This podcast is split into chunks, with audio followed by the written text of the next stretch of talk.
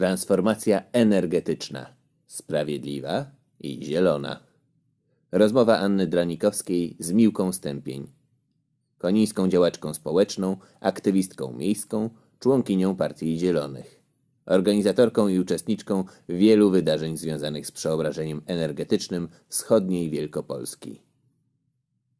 Magazyn SOC, numer siódmy. Czyta Tadeusz Mirski.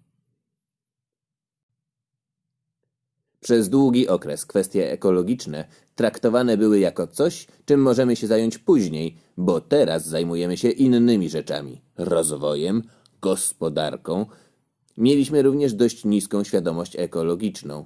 Dopiero niedawno do wielu z nas zaczęło docierać, że jesteśmy uzależnieni od tego, w jaki sposób środowisko radzi sobie z naszą obecnością. Najpierw był smog. Ten temat przebił się do mediów jako pierwszy. Później wycinki drzew. Teraz nie sposób już dłużej nie widzieć tego, co się dzieje. Przez całe lata próbowaliśmy przebić się z tematem transportu publicznego i dostawaliśmy odpowiedź, że Polska to nie Holandia. Nikt tutaj transportem publicznym nie będzie jeździł, a linie trzeba likwidować, bo są nierentowne. A przecież to działa w drugą stronę. Transport publiczny musi być regularny, czysty, punktualny, Potrzebna jest też duża częstotliwość połączeń, żeby to zadziałało. Widać to teraz na przykładzie kolei wielkopolskich. Ludzie podróżują transportem publicznym, jeśli opłaca im się to robić. Transformacja energetyczna takich regionów jak Konin to jest bardzo trudny temat. A jeśli chcemy, żeby ta transformacja była sprawiedliwa, to musimy wziąć pod uwagę wielość i różnorodność problemów, które są z tym powiązane. Mamy problem likwidacji miejsc pracy górników i innych osób pracujących w elektrowni. Trzeba zaplanować i zaproponować dobre rozwiązania. Jeśli zrobimy to w zły sposób, zmiany skończą się protestem społecznym i nie będzie to sprawiedliwa transformacja. Po drugie, należy zastanowić się, jak pomóc gminom i obszarom, które zostały dotknięte przez mocną eksploatację węgla w rozwiązaniu problemów, które spowodowała, np. w rolnictwie czy turystyce wodnej. Od 30 lat subregion koniński odczuwa skutki transformacji. W latach 90. podczas modernizacji sektora mnóstwo ludzi straciło pracę. W latach 2004-2005 bezrobocie w powiecie konińskim wynosiło ponad 20%. W tej chwili praca w kopalni czy elektrowni nie jest już ani tak pewna, ani tak dobrze opłacana jak dawniej. Są też zmiany symboliczne. W 2004 roku w technikum górniczym zlikwidowano kierunki górnicze, a otworzono pracownię energii odnawialnej. Kolejne zmiany nastąpią i wierzę, że to będzie pionierski projekt, bo rzeczywiście podejmuje się teraz próby, żeby przeprowadzić transformację w sposób sprawiedliwy.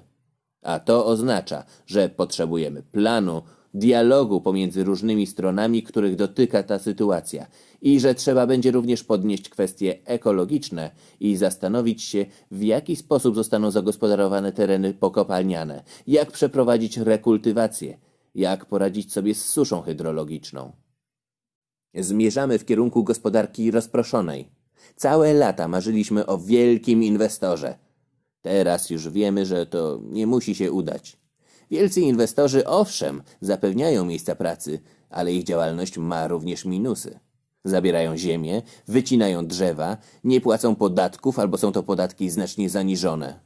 Są mocno uzależnieni od sytuacji na rynku globalnym. Małe i średnie przedsiębiorstwa, a więc także przedsiębiorstwa społeczne, wydają się być rozwiązaniem bardziej sensownym. Są osadzone lokalnie, zawsze zostawiają podatki w gminie, mają wieloletnie plany i zwyczajnie planują zostać w tym regionie. To oczywiście nie jest tak widowiskowe jak wielki inwestor. To się planuje latami, ale też zostaje to na lata. W 2017 roku byłam pierwszym lokalnym politykiem, który powiedział, że czeka nas taka przyszłość. Usłyszałam wtedy, że to niemożliwe i że nie powinnam atakować kopalni. Tłumaczyłam, że to nie jest atak, ale stwierdzenie, że jesteśmy w zupełnie innym momencie historycznym. Jestem związana z tym regionem rodzinnie. Wiem, co to jest górnictwo i elektrownia, bo tu dorastałam, ale jednak musimy się przygotować, bo lepiej być przygotowanym na zmianę niż udawać, że jej nie będzie. Ona nastąpi, jednak w dalszym ciągu jest wiele osób, które uważają takie wystąpienia za atak na kopalnię. Tymczasem fakty są takie.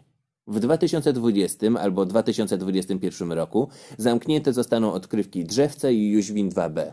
Tomisławice zostaną, ale tam jest kiepskiej jakości węgiel.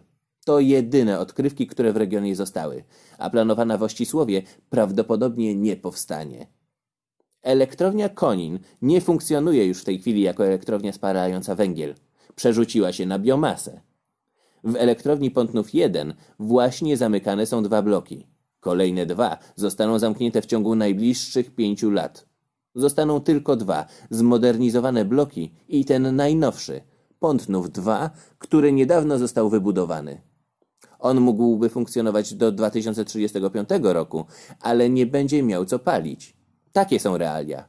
To nastąpi i musimy się przygotować. Ludzie często zapominają, że te elektrownie mają już po 70 lat. Myślę raczej o gospodarce obiegu zamkniętego, samowystarczalności, współistnieniu. Musimy zużywać mniej energii, musimy wykorzystywać ją bardziej sensownie, nie marnować jej, bo marnujemy jej bardzo dużo, zwłaszcza na konsumpcji. Tymczasem najprzyjemniejsze w życiu jest spędzanie czasu z rodziną, przyjaciółmi, dziećmi w przyjaznej nam przestrzeni. To jest najważniejsze. To były fragmenty wywiadu z Miłką Stępień. Całość znajdziecie w siódmym wydaniu magazynu SOC, dostępnym na stronie www.spółdzielnie.org.